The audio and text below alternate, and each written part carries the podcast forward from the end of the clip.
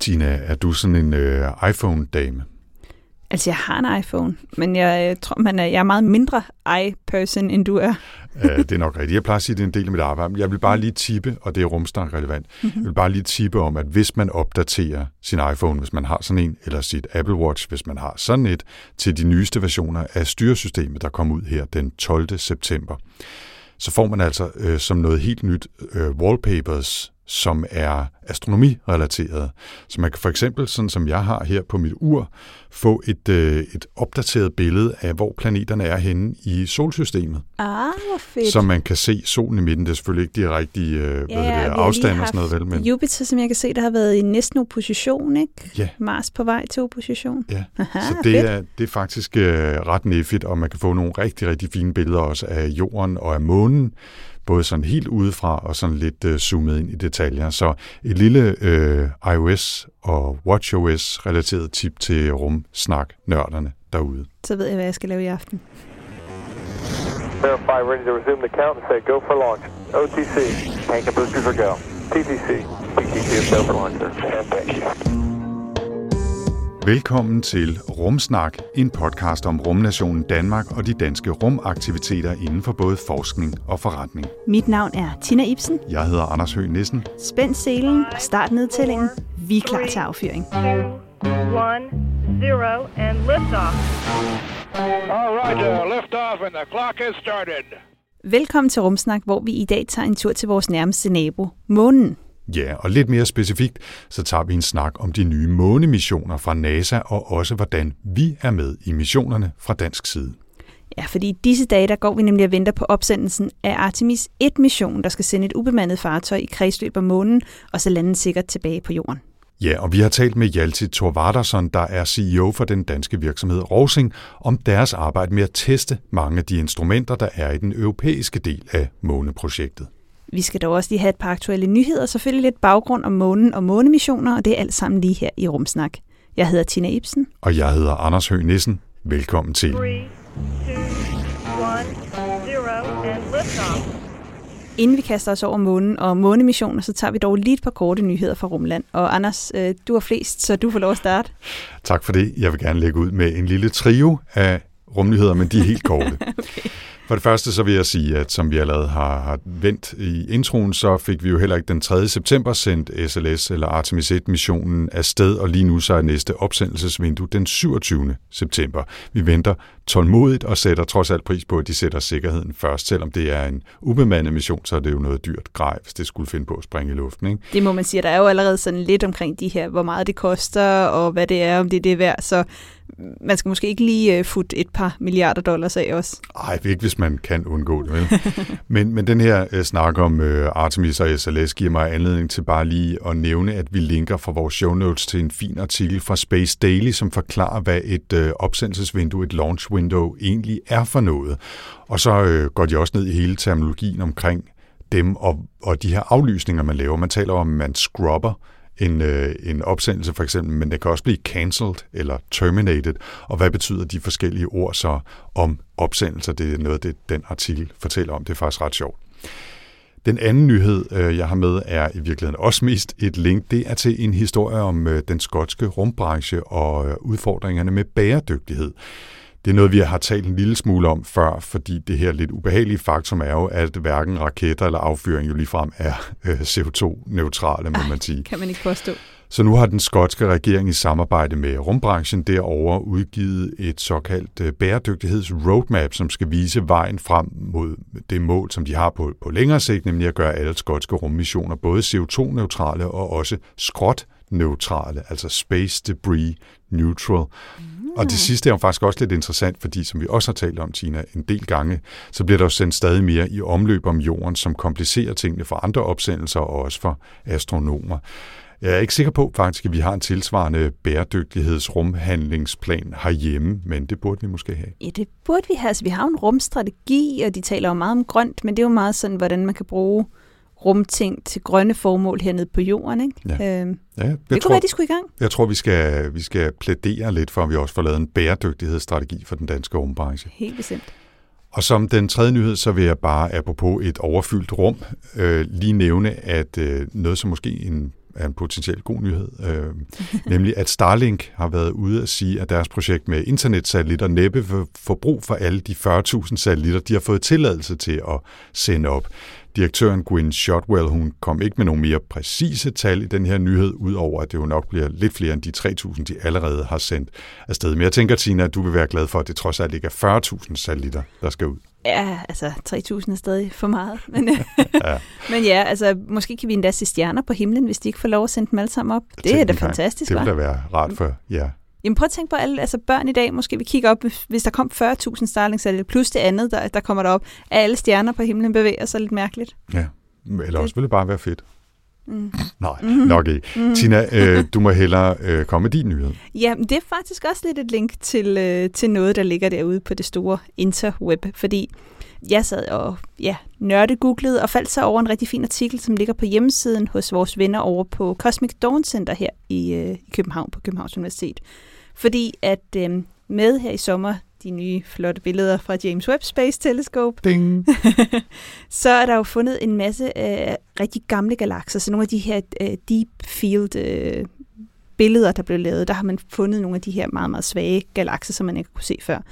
Øhm, men det udfordrer faktisk den forståelse, vi har haft om udvikling af galakser, som også er noget, vi har været inde på i tidligere episoder her i Rumsnak. Fordi de første data her fra James Webb viser nemlig både, at der er for mange og for lysstærke, det vil altså sige for store og udviklede galakser i det helt tidlige univers. Øhm, de burde altså ikke være der, fordi på det her tidspunkt, sådan nogle få hundrede millioner år efter universet er blevet til, jamen der burde der simpelthen ikke havde været tid nok til, at gas og materiale havde kunne samle sig til at lave de her meget, meget store galakser. Okay. Altså det er, det er fysisk muligt at danne nogle få af de her store galakser, og man har også kun set et par enkelte i de her James Webb-data. Så spørgsmålet er jo nu, har man bare været heldig at se de her store galakser, eller er der mange flere af dem, end man regner med? Har man måske misfortolket den her data, eller, eller hvad ligger det? Så der er ikke nogen artikler endnu, der er kommet ud, der har været sådan peer-reviewed endnu, så det er kun nogle forløbige artikler, øh, der ligger om det, fordi det er jo sådan en hel proces, man skal igennem og fagfældebedømme og alle de her ting. Men, øh, det bliver interessant at følge det, og vi linker altså til en meget, meget lang øh, og, og ret dybtegående artikel, som, øh, som ligger inde hos dem, og den er på dansk, så den er, ja, er, er lige til at hive fat Det er spændende. Det er ikke bare pæne billeder, der kommer ud af James Webb, det er også billeder, som udfordrer vores forståelse af universet. Ja, og det er jo altså, det Skal fedt. vi være helt ærlige, det er ikke de pæne billeder, vi bare har ventet på inden for, for videnskab. Ja, det ved jeg. Jeg har, jeg har, jeg har haft meget god fornøjelse. Det er også en del af det, men, men det er jo de der hardcore data, og den her altså, ja, ja. forventning om, det vil fuldstændig vende op og ned på vores billede, både det tidlige univers, men også eksoplaneter og mange andre ting. Mm. Øh, og det begynder vi altså at se nu. Ja, det er fedt. Tina, vi skal også lige have en øh, bonus eller to, som øh, traditionen efterhånden byder. Og den første, det er endnu et link. Der sker mange ting ud på det store interweb øh, for vi tiden. Har, vi har været i gang. Ja, åbenbart. Ja, vi har, vi har nørdet, nørdet søgt. Øhm, men det her link, det er til Wired Magazine, som har en rigtig fin artikel om astronomen Frank Drake, der jo døde øh, her den 2. september. Han var over 90, så vidt jeg husker, så, så han har jo haft et, et godt run, som man siger. Ikke? Men Frank Drake var jo en af hovedskikkelserne i SETI-projektet Search for Extraterrestrial Intelligence, og også manden bag den berømte Drake Equation, altså Drakes ligning, mm. som jo kan hjælpe med at, at lave en slags spekulativt overslag for muligheden for intelligent liv andre steder i universet ved at se på antallet af stjerner og sandsynligheden for, at de har planeter, øh, som er beboelige i omløb osv. osv. Øh, og det er, jo, ja, det er jo trist. Han døde selvfølgelig, men, øh, men han fik da efterladt sig en, en god arv og et godt projekt, vi kan arbejde videre med. Ikke? Så. Det må man sige. Shout out til Drakes ligning. Det er, den er ret super simpel. Det er bare nogle tal, man ganger sammen. Men vi ved så bare ikke, hvad de tal, man skal gange sammen med er. Nej, og man kan få nogle ret spændende resultater, afhængig af, hvad det er for nogle tal, man sætter ind øh, de forskellige steder i ligningen. Vi linker til Wired Magazine for vores show notes, og selvfølgelig også til øh, mere info om øh, Drake Equation, og så ønsker vi god vind til hans efterladte atomer, som øh, kan få lov til at flyve ud og blive stjernestøv igen, måske en dag. Bonus nummer to, det er en helt anden kategori. For hvis jeg siger, at det har noget med Dubai at gøre, så kan de fleste nok gætte, at det handler om store byggerier og ekstrem luksus, hinsides enhver form for bæredygtighed eller anstændighed i øvrigt. Noget med bling. Når jeg nu alligevel tager det med her, så er det selvfølgelig, fordi der er en rumvinkel, fordi lige nu så er man nemlig i gang med at bygge endnu et stort øh, feriekompleks dernede, som skal hedde Moon Resort. Og det her projekt, som er budgetteret til 5 milliarder dollars. Det udmærker sig i den her sammenhæng ved at have en kæmpestor realistisk model af månen på taget.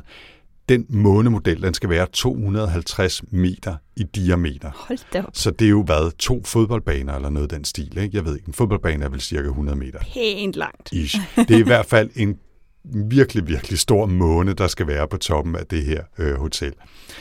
Ifølge folkene bag, som er et kanadisk firma i øvrigt, for det ikke skal være løgn, så skal det her Moon Resort være færdig allerede om et par år. Og udover månemodellen, så vil der også være 40.000 kvadratmeter såkaldt månekoloni øh, med ferielejligheder og alt muligt andet. Og selvfølgelig et wellnesscenter og en natklub. Og så også, hvad de kalder for et hop for rumagenturer. Og jeg ved ikke, om det betyder, at NASA og ESA også skal have en eller anden form for permanent bemanding øh, på et kontor dernede. Det, det finder vi ud af på et eller andet tidspunkt. Det er selvfølgelig fuldstændig tosset i det store perspektiv, men når det er sagt, så tror jeg faktisk, det kunne være ret imponerende at stå og se sådan en 250 meter stor månemodel med en, en eller anden form for realisme eller projektion, eller hvad de nu vil gøre øh, sådan i levende liv. Det, det kunne måske være meget sjovt. Det lyder lidt vildt. Jeg vil dog sige, at jeg vil mangle den der en sjette del af jordens tyngdekraft, når jeg var der, hvis jeg skulle lege månekoloni. det må de lige få fikset. Det må de lige arbejde altså, på. Hvis der er nogen, der har råd til at få, få fikset det, så må det være dem lidt dernede. anti-grab, lige ja, for, det, for det lagt ind i hotellet også. Så, vil det, altså, så tror jeg, det vil blive til et stykke. Det vil det, vil det helt sikkert, hvis man kan blive der og ikke flyve væk. Så, Nå, ja. øh, til sidst. Ja, jeg har en, øh, en lille opfølger, lille rumnyhed kan man godt sige, eller en lille forspørgsel for os til ja. alle jer lyttere derude. Fordi sidste gang, ja, sidste gang, der øh, fortalte vi om, at vi for tiden har en spørgeskemaundersøgelse i gang, hvor vi gerne vil vide lidt mere om, hvem I er derude, og hvad I synes om rumsnak, hvad I synes, der er godt, hvad I synes, der måske er mindre godt. Og der er rigtig mange af jer, der allerede har været søde og været inde og svare, så tusind, tusind tak for det.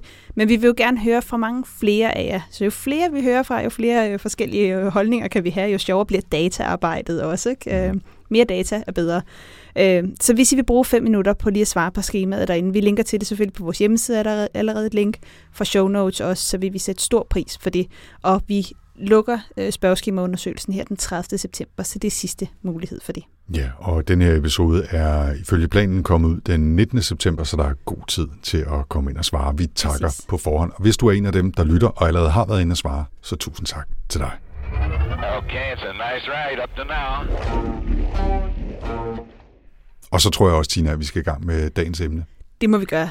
Månen. Vi har været lidt inde på månen. Nu snakker vi om månen igen. Fordi vi optager her i dag den 13. september. I går var det faktisk 60 år siden, at John F. Kennedy han stod på Rice University i USA og udtalte de her berømte ord. We choose to go to the moon in this decade and do the other things, not because they are easy, but because they are hard. Because that goal will serve to organize and measure the best of our energies and skills. Because that challenge is one that we're willing to accept, one we are unwilling to postpone, and one we intend to win, and the others too. Og inden årtiet var omme, så havde man jo faktisk sendt de første mennesker til månen og fået dem med tilbage her til jorden. Men blot 10 år senere, så var det slut. Den sidste Apollo 17-mission forlod månen den 19. december 1972. Og det var altså sidste gang, vi mennesker har været på månen.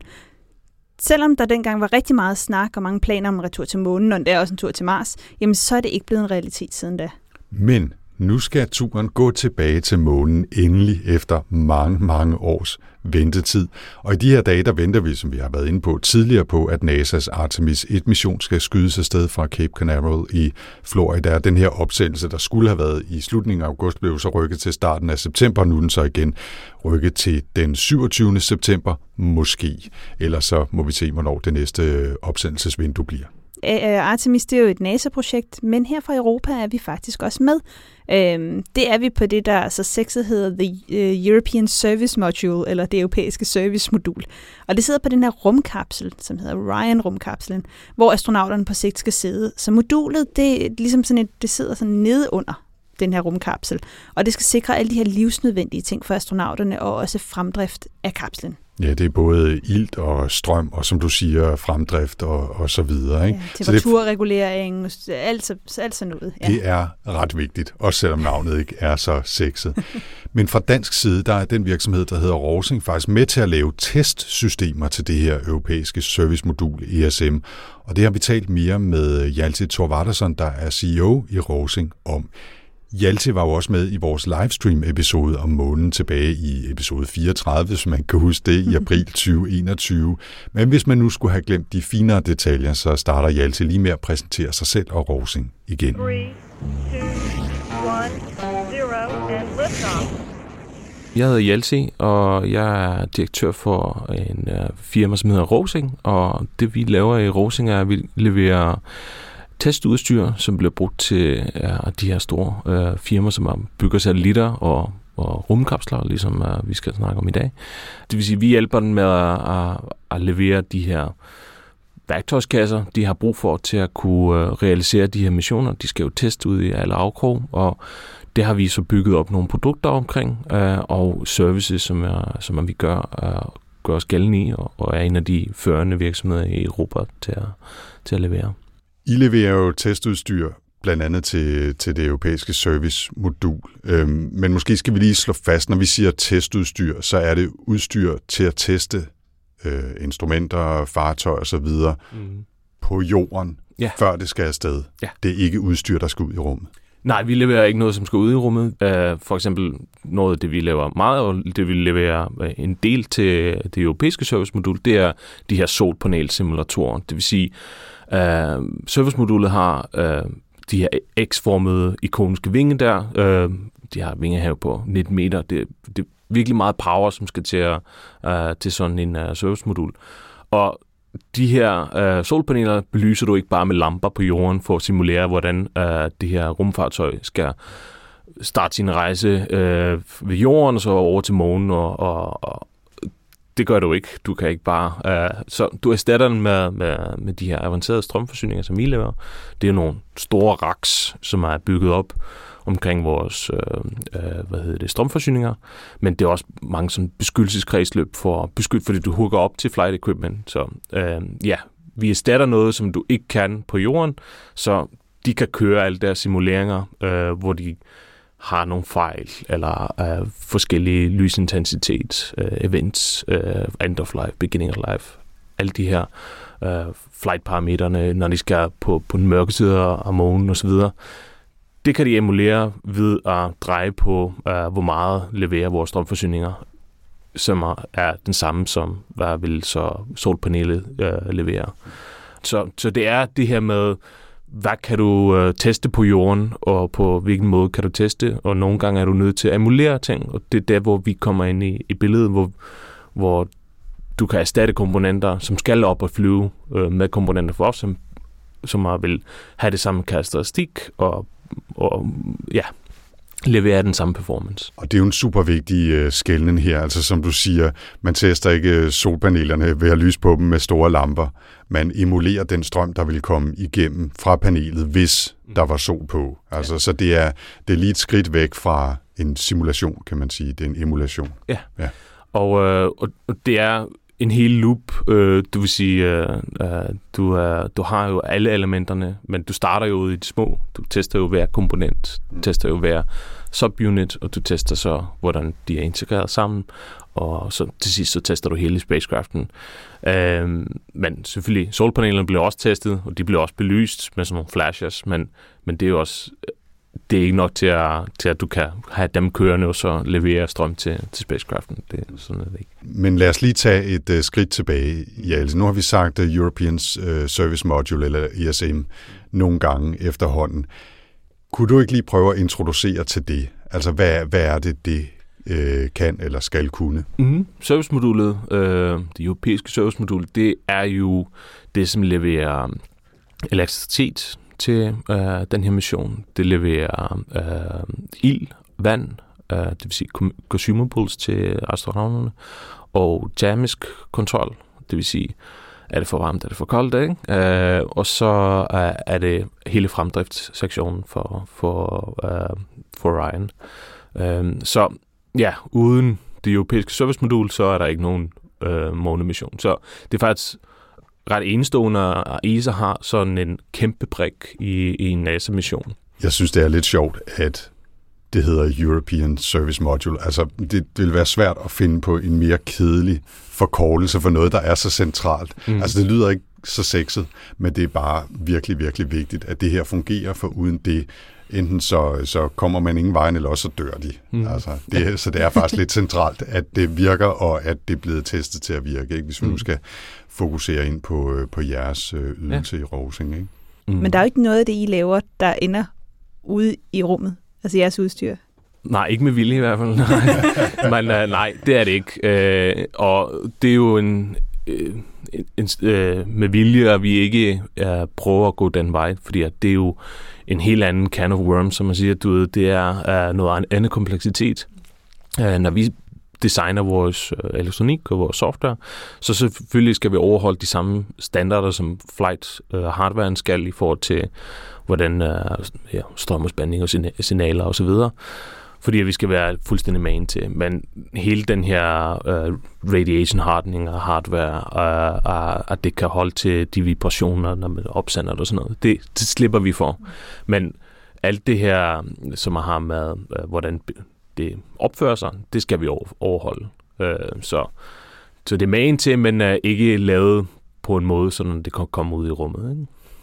Men for lige at pinde det med testen helt ud, før vi går ned i, i noget af det mere konkrete, I arbejder med i Alti, det I tester er det udstyr, der skal ud i rummet mm. potentielt. Det er ikke altså en kopi af det udstyr, der skal ud i rummet. Det er det udstyr, der skal ud, fordi man skal være sikker på, at lige præcis den komponent ja. fungerer.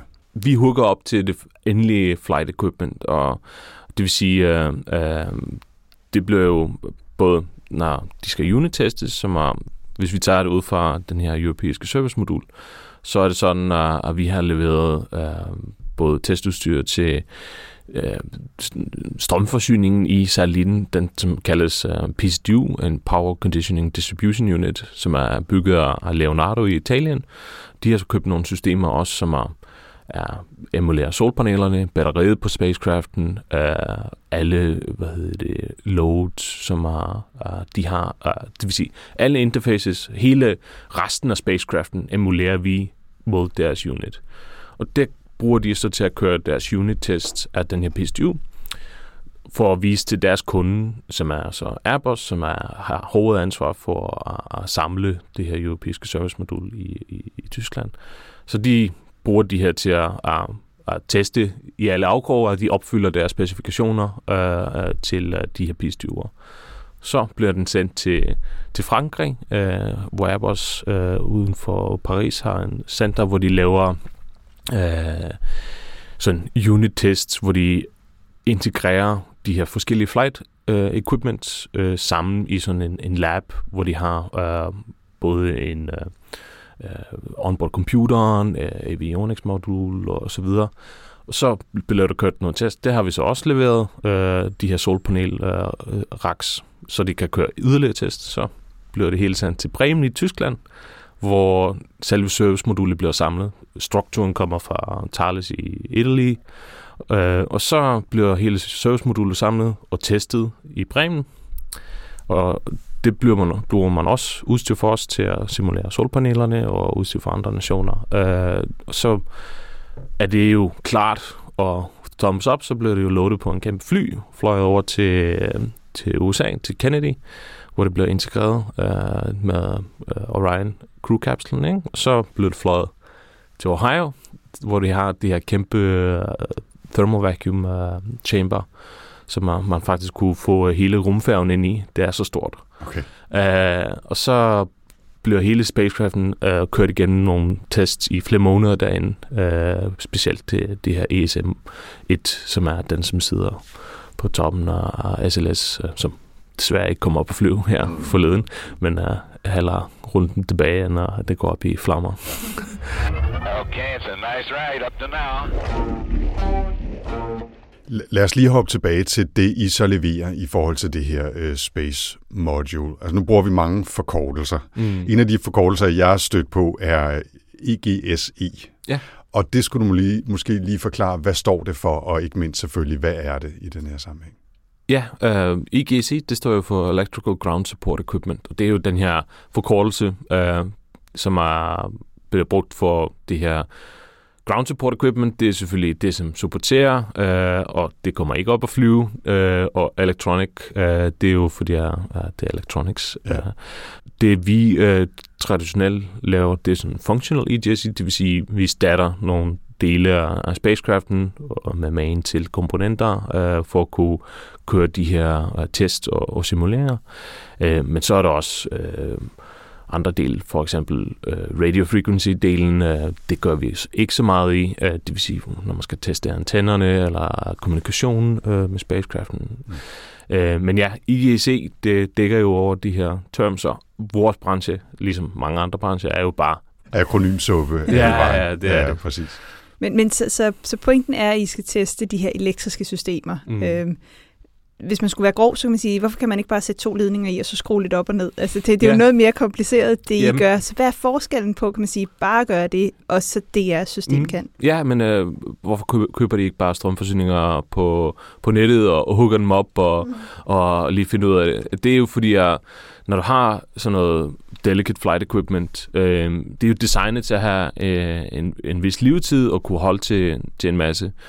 Og øh, hvis du for eksempel øh, tænder for en normal strømforsyning, så så tænder den, og den laver en, en, en sådan spike, når den tænder, og det kan jo være, at det, den spike er fin nok for alt muligt andet, men øh, lad os sige, at den her strømforsyning er 5 volt, og øh, den har en, øh, en turn-on spike, som er 15 volt. Øh, den flight equipment, som du har designet, den kan måske kun tåle 7 volt. Øh, Øh, og den går måske ikke i stykker at se de her meget korte spikes, når det bliver tændt for den. Men dens levetid kan være reduceret fra at kunne holde i, øh, ude i rummet i, i 10-15 år, ligesom for en øh, kommunikationssatellit eller noget i den stil, til at være reduceret til nogle få måneder. Uh, og du har jo med at gøre med missioner, øh, om det er øh, satellitter, eller om det er bemandet rumfart, hvis i sedaleshed bemandet rumfart, så, så er det jo, det kræver ikke mere, end at du har en fejl, så, så hele din mission røget. øh, eller hele dit instrument kan ikke bruges. Øh, så du skal jo køre dit udstyr helt ud til kanten for at verificere, at det kan holde til den mission, det skal nå ud. Men du vil ikke, at det går ud over kanten, så du reducerer levetiden, eller har en dormant file, som så vil vise sig, når det kommer en, øh, en øh, hvad hedder det, en solar flare eller et eller andet, ikke? Øh, eller bare, at den kommer op og flyver. Ikke? Så når du siger, at, at det er vigtigt ikke at komme til at ødelægge noget af det her, så det er jo også fordi, I sidder med de rigtige ting, der skal i rummet, så det er jo netop ikke bare test og udvikling løbende også øh, for det. Nej, vi, vi kommer jo helt øh, øh, fra start, det vil sige, når de er gamle øh, prototyperne og de her hvad hedder det, engineering models, som man kalder dem, så, så, så bruger man også vores udstyr. Øh, men ja, det er flight equipment, vi hooker op til. Det vil sige, de endelige enheder, som kommer op og flyve, har alle sammen været i berøring med vores udstyr i månedsvis, overvis. Øh, vi har jo leveret øh, de her systemer for mange år siden, og først nu er de øh, i gang med at prøve at sende den op, ikke? Øh, så, og så vil det være brugt i, i ja, op til 10 år mere, ikke? hvis vi skal hele mission på fulden igen. Ikke? Ja, så I kommer til at teste samtlige af de ting, der Ja. kommer til at skulle op med jeres udstyr. Ja. ja. Hvor lang tid har I været i gang?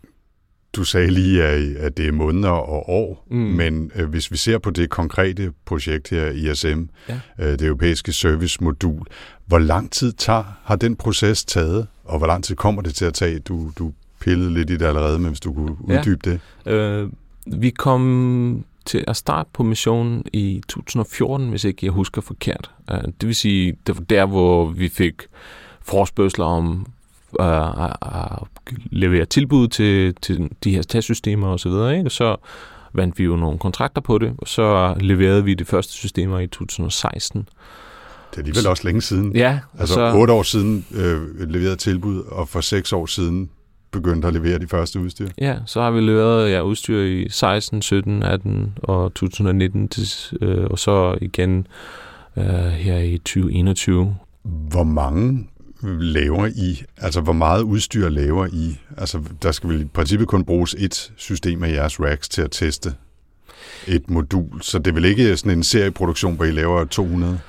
Nej, det er det ikke. Øh, og øh, man kan sige, øh, for, for European Service Module, så har vi leveret en, en del sådan, øh, hvad vi kalder recurring, det vil sige øh, ens systemer, øh, fordi der, vi har leveret til et, som bliver brugt i Frankrig, et andet, som bliver brugt i, i, i, i Bremen i Tyskland, og så har vi et, som, er, som ligger i Danmark øh, hos Lockheed Martin, hvor de har Integrated Tests Lab, hvor de har hele, de har faktisk sådan øh, en, en hel Orion-kapsel og en hel, hel service-modul bygget op omkring uh, engineering models, hvor, hvor de kører mission-simuleringer øh, uh, på, på om de, uh, hvordan de bruger de her ting. Ikke?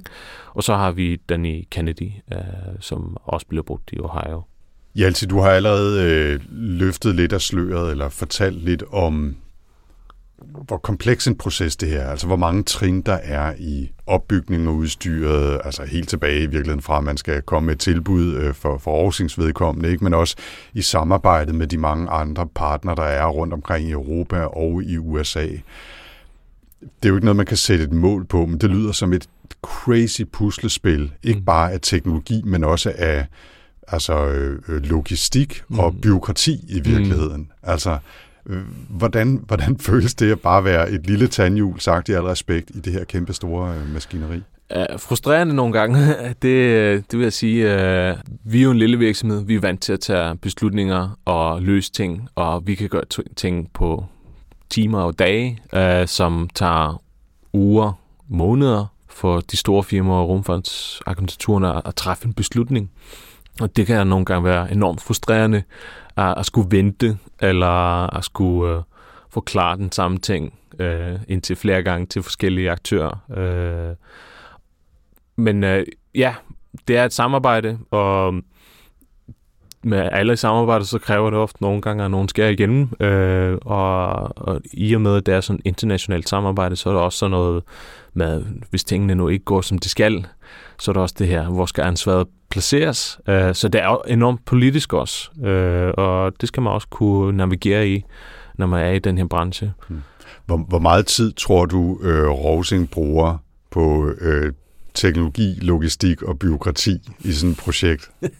ja, men det er jo, teknologien er øh, hoveddelen, ikke? Øh, men det er, øh, det er virkelig øh, papirtungt og politisk i den forstand, at du skal jo dokumentere virkelig meget, og du skal jo deltage i et hav af møder, hvor du tænker bare, ej, så er der 25 mænd, som har logget på et eller andet uh, telekonf om uh, et eller andet lille ting, som, er, som er, så skal behandles og godkendes osv., så ikke?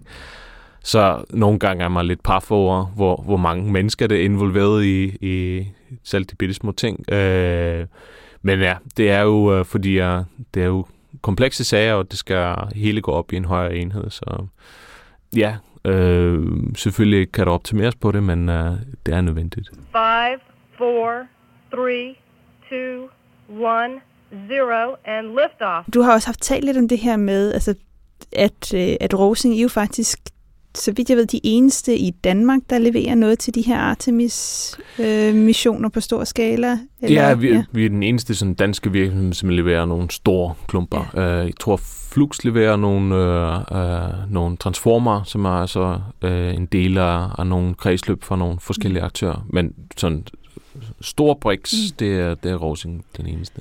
Ja, det kan jo undres, altså man kan jo undres lidt over, at der ikke er flere lande, der er med i de her, altså det her servicemodul, og vi i det hele taget ikke er mere med i nogle af de her store nye skridt mod månen i mm. Danmark. Jeg ved, du også har været ude og appellere lidt til, at Danmark virkelig øh, tager lidt mere ejerskab ja. over det her. Vil du ikke prøve at sætte et par ord på, hvorfor du mener, at det er, det er vigtigt, at vi gør det? Ja, øh, jamen, øh, vi har jo længe appelleret for, at det bliver øh, investeret mere i, i den her branche, både fordi at vi har de her kompetencer i Danmark, vi har nogle øh, meget dygtige firmaer, som leverer forskellige ting, men vi er ikke sådan direkte konkurrenter med hinanden. Det vil sige, at vi konkurrerer om at levere den samme dims. Øh, vi er faktisk uh, kom, uh, er complementary til hinanden på mange måder. Og øh, hvis man sådan tager sammenligner Danmarks bidrag til ISA med mange af vores andre øh, sådan nationer, så, så er vi faldet meget bagud i, i forhold til contribution. Men hvis man så kigger på, hvad man får for de midler, man investerer i det her, og det er en investering, fordi øh, du får de her midler øh, otte gange retur, det vil sige, det kommer, hvis du putter en krone, så får du 8 kroner øh, retur i, øh, i industrien, øh, og det er jo en, en meget god gearing for, for investeringer af danske kroner, og, og det afføder jo også, øh, hvis du er med på europæiske missioner og science missioner osv., så, så får du udviklet noget udstyr, og du får udviklet nogle kompetencer, som gør, at du også kan sælge det kommercielt. Så det er også en, en springbræt for, for at kunne øh, gøre sig gældende internationalt. Øh, så man, man må sige, uh, hvad hedder det, vi slår os jo op på, at vi er en nation, som er, er uh, hvad hedder det, hjernekraft. Det er det, som er vores hovedresource, ikke? Og det er jo også rigtigt. Men hvis man slækker for meget på at investere i, i de her uh, uh, fag, så, så er det ikke i dag, vi ser effekten, men måske om 10 år, så kan vi se, at, at vi ikke er, er lige så relevant længere. Og det er jo, det er jo faren. Hvilken størrelsesorden af beløb taler vi om her? Så det danske bidrag til ISA er de der 225 millioner kroner, men det er jo delt op i sådan noget øh, kernebidrag, og så er det sådan frivillige ting. Og det er medlemsbidraget, det, er sådan, det vil sige, det er det, du skal. Og Danmark har meget lille andel ud over det. Og så skal man heller ikke glemme, at det bidrag, vi har, det er det eneste sådan rumprogram, vi har i Danmark, mens andre nationer har ved siden af deres egen øh, nationale øh, hvad hedder det, rumprogrammer. Øh, så hvis man tager og kigger på øh, ud fra GDP eller bare ud fra procent, øh, så ligger Danmark faktisk meget lavt i, i forhold til øh, bidrag til ISA. Øh, hvis vi sammenligner os med Sverige og Norge osv., så, så er vi langt bagud. Øh, 225 millioner. Altså, det er jo ingenting. Nej. eller, det er mange penge for mig, men, men man skal ikke særlig meget op i virksomhedsstørrelse eller øh, hvad hedder det, BNP eller noget af den stil, før det bare er en afrundingsfejl et eller andet Ja. sted. Og, øh, og, og det er det, som er trist, fordi øh, man kan se jo øh, den her øh, return factor, den er jo enormt stor. Det er, jo, det er jo penge ud af vinduet ikke at investere. Ja, det synes vi. Det synes jeg også. Det, det tror jeg. Det synes vi i rumsnak. det, I rum, rumsnak synes vi også, det, det er noget fjolleri. Så kom i gang. Ja. Okay, it's a nice ride up to now. Og det fortalte altså her i Alti Thor der er CEO i Rosing. Tina, det er faktisk et øh, stykke tid siden, vi har haft et lytterspørgsmål. Er du frisk på et? Ja, lad os gøre det. Godt. Spørgsmålet det kommer fra Cecilie, som skriver. Hej Rumsnak. I har talt meget om film og science fiction, men ikke om Tintins rumeventyr, og det er jo en skandale. Kan I svare på, hvor realistisk månen tur-retur egentlig er? Hilsen Cecilie. Hvad siger du, Tina? Jeg elsker jo Tintins, Ja, ja, de to album, det? der, Hvem der ligger ikke der. Øh, faktisk så har jeg jo, du har jo set, jeg har faktisk helt to sådan små Tintin-raketter i min stue derhjemme. Der Mhm. hænger både øh, forsiden fra første og anden øh, måne. Selvfølgelig. Del. Selvfølgelig gør det det. Ja. Men øh, og vi- vi kunne øh, måske lave en hel episode en dag, hvor vi bare snakker Ej. om Tintin og månen. Ej. Det ville være nørdet. Det, jeg tror, der ligger en bonus der. Det gør det At vi faktisk. simpelthen øh, læser de to albums og snakker om dem. Ja. Okay, men som en lille teaser til det, Ja. så, så må du så heller kan vi lige lige svare, svare som jo så øh, vi øh, uddyber senere. Ja, Men hvis vi, ja jeg har været inde og kigge lidt på det, og hvis vi sådan skal have fire overskrifter, bare sådan lidt kort.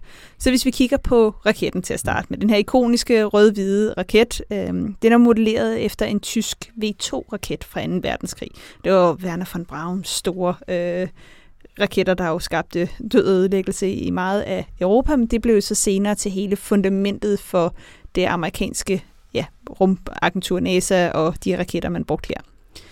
De ligner faktisk også en lille smule de her SpaceX Starships, der er ude Mm. nu. Det er- sådan det et er nok andet, mere der den anden vej ja, rundt. ja, Måske lige indsparke, at, at de her månealbums øh, af Hergé med Tintin er fra omkring 50. Ja. Så, så det er jo lige kølvandet på 2. verdenskrig, og Lige derfor kølvandet på selvfølgelig er verdenskrig. V2-raketterne var meget præsente. Ikke? Præcis, og før, at man faktisk sendte nogle mennesker op, ikke? Altså, så det er, Ja, ja, ja. er det også. Men, men hvis vi kigger på, på de her raketter, så er det en et-trins-raket. Det er jo sådan en fuld raket, du sender den hele vejen op, ligesom man gjorde med de her V2-raketter, ikke? Øhm, umiddelbart, så er det ikke muligt med det brændstof og de muligheder, vi har i dag. Det er faktisk noget, som der allerede fra øh, 20'erne og 30'erne var stor debat om, fordi der var der øh, Goddard, som jo senere har lagt navnet til Goddard Space Center over øh, hos NASA. Han var nogle, en af dem, der kom med den her første idé til, hvordan vi kunne sende mennesker i rummet. Og han blev latterliggjort dengang, øh, fordi jamen, det var simpelthen ikke muligt fysisk at sende mennesker ud i rummet med en raket. Og det er faktisk også rigtigt, hvis du har en entrinsraket. Mm. Men det vi jo gør i dag, det er, at vi har to eller tre trinsraketter, hvor man nærmest, nærmest har sådan en raket på en raket. Så man, når man har brugt brændstoffet i løfteraketten, som er det første trin, så kaster man det af for noget fremdrift, og så sætter man gang i en raket igen. Så det er næsten som, som at have opsendelsesramper deroppe af. Øh, og det har altså gjort, at det er muligt at sende folk i rummet. Og det er også det, vi gør stadig i dag. Så om et trinsraketter er muligt, så skal man godt nok have en seriøs øh, fremdrift og noget meget, meget, meget let og, og godt brændstof. Så, og, og en let raket. Og en let raket. Ja. Så, så lige nu, mm. raketten, mm, okay. ikke som det ser ud i dag i hvert fald. Den er, den er pæn, men ikke så realistisk. Præcis. For i dag. Okay, det var i hvert fald en ting. Det var en ting. Mm. Så laver de i, i rummet en 360 graders vending eller undskyld, 180 graders vending. Ja, det går ikke til. Virkelig det er. Bare, det er bare blær. Det er bare blær. Jeg vil vi står lige rundt. Nej, så, ja. Men de laver sådan en 180 graders vending, mm. øhm, hvor de jo så ja, kører en vej, drejer rundt og tager tilbage. Øhm, hvis man skulle gøre det med den fart, hastighed, man har på, når man er ude i rummet, fordi man skal tænke på, at det er jo ikke kun raketten, der bevæger sig. Når man står indeni, så bevæger man sig også. Man er jo også selv blevet accelereret op. Så hvis raketten lige pludselig lavede en drejer, mm. så vil man splatte ud på endevæggen reelt. Ja. Og, man, man, og man flyver jo altså 10.000 km ja. i timen her. Ja, præcis. Ja, ja. Så øh, splat, det vil ikke være okay. så sjovt. Så det er ikke, det er heller Den er ikke heller ikke helt så god. Okay. Øh, dog vil jeg sige, noget af det, man havde, det var, at øh, Tintin, da han er på månen i album nummer to, går ind i sådan en isgrotte hmm. nærmest. Så der talte man om is på månen, og det var faktisk, øh, den er god nok. For senere har man fundet, at det er faktisk sådan inden for de sidste 10-20 år, at man har fundet vandis forskellige steder på månen. Ikke som isgrotter, men der er vandis på månen. Så der var et eller andet der, der var, der var godt nok. Okay. Øhm, og så selve turen til månen, det er sådan den sidste ting, jeg vil lige fordi tiden det tager at komme en tur til månen. Jamen, øhm, der er der nogen, der har været inde og regne på, der virker det, som om den er god nok. Så hvis man kørte den her konstante acceleration, som er de her 9,8 meter i sekundet, så vil man kunne nå månen på et par timer. Men så skal man også decelerere. Man skal jo stoppe igen på et tidspunkt. Man vil jo så rejse voldsomt hurtigt, ikke? Ja, øhm, ellers så bliver det også splat. Ellers så bliver det også splat, bare ja. ind i månen.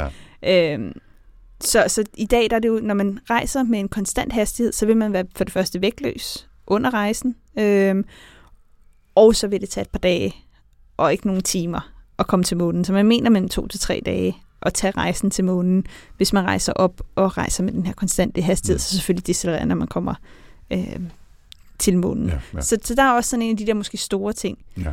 Super, så, øh, super spændende. Ik- ikke super realistisk, selvom man prøvede, mm. men, øh, men dog med nogle interessante idéer. Altså, der, der er mange ting i Tintin, hvor man lige skal, skal lade fantasien for det frit spil, og det er også det er rigtig fint. Det er det. Øh, det. Det gør jo ikke albumene mindre interessante og fantastiske, og øj, hvor har jeg læst mange gange, og jeg synes altså, Tina, vi skal holde fast i ideen om på et eller andet tidspunkt, mm. det er ikke sikkert, det bliver i, i den her sæson, men i en kommende sæson, der bliver vi altså nødt til at lave en uh, bonus, hvor vi øh, læser Tintin. Det må vi gøre. Tak, Cecilie, for det spørgsmål, og for lige at få sat nogle idéer gang, i gang hos os her. 5, 4, 3, 2, 1, 0, and lift off. Og med det så er Rumsnak landet for denne gang. Men vi arbejder naturligvis allerede på de næste launches med opsendelsesvinduer henholdsvis den 3. oktober og den 17. oktober. Og så er der jo faktisk også en ekstra opsendelse den 4. oktober, hvor vi laver en rumsnak live på YouTube med video og hele balladen, mm hvor vi øh, regner med at gøre en slags status for den danske rumbranche, både forskning, teknologi og forretning. Og det er så den optagelse, man også vil kunne høre i en redigeret form i sit sædvanlige podcast feed den 17. oktober. Hvis man i mellemtiden gerne vil vide mere om Rumsnak, jamen så kan man som altid finde os på Facebook, hvor Rumsnak har sin egen side, og på Instagram, og vi har jo også vores eget lille website og vores egen lille butik med Rumsnak merchandise, som du finder på rumsnak.dk. Og husk også at tjekke show notes til podcast. Nu har vi jo haft, øh, vi har rigtig mange links den her gang til, øh, til alle vores øh, historier. Øh, der finder man selvfølgelig altid links til dagens øh, historier, emner og hvad vi ellers tænker, det skal man da have ind i show notes. Spørgeskemaundersøgelser. Spørgeskemaundersøgelser og det hele, ja. ja. Hvis man har spørgsmål eller kommentarer, jamen så kan man skrive til os på Twitter med hashtagget rumsnak. Man kan også skrive direkte til mig på attina Ibsen. Og jeg hedder Anders, stadig 4ND3RS på Twitter. Vi tager altid meget gerne imod input og idéer, og husk, at hvis du synes, det har været spændende at lytte til Rumsnak, så er du meget velkommen til at dele med familie, venner og andre rumnørder derude. Rumsnak er støttet af Novo Nordisk Fonden og bliver produceret af Podlab. Jeg hedder Anders Høgh Nissen. Og jeg hedder Tina Ibsen. Tak for denne gang.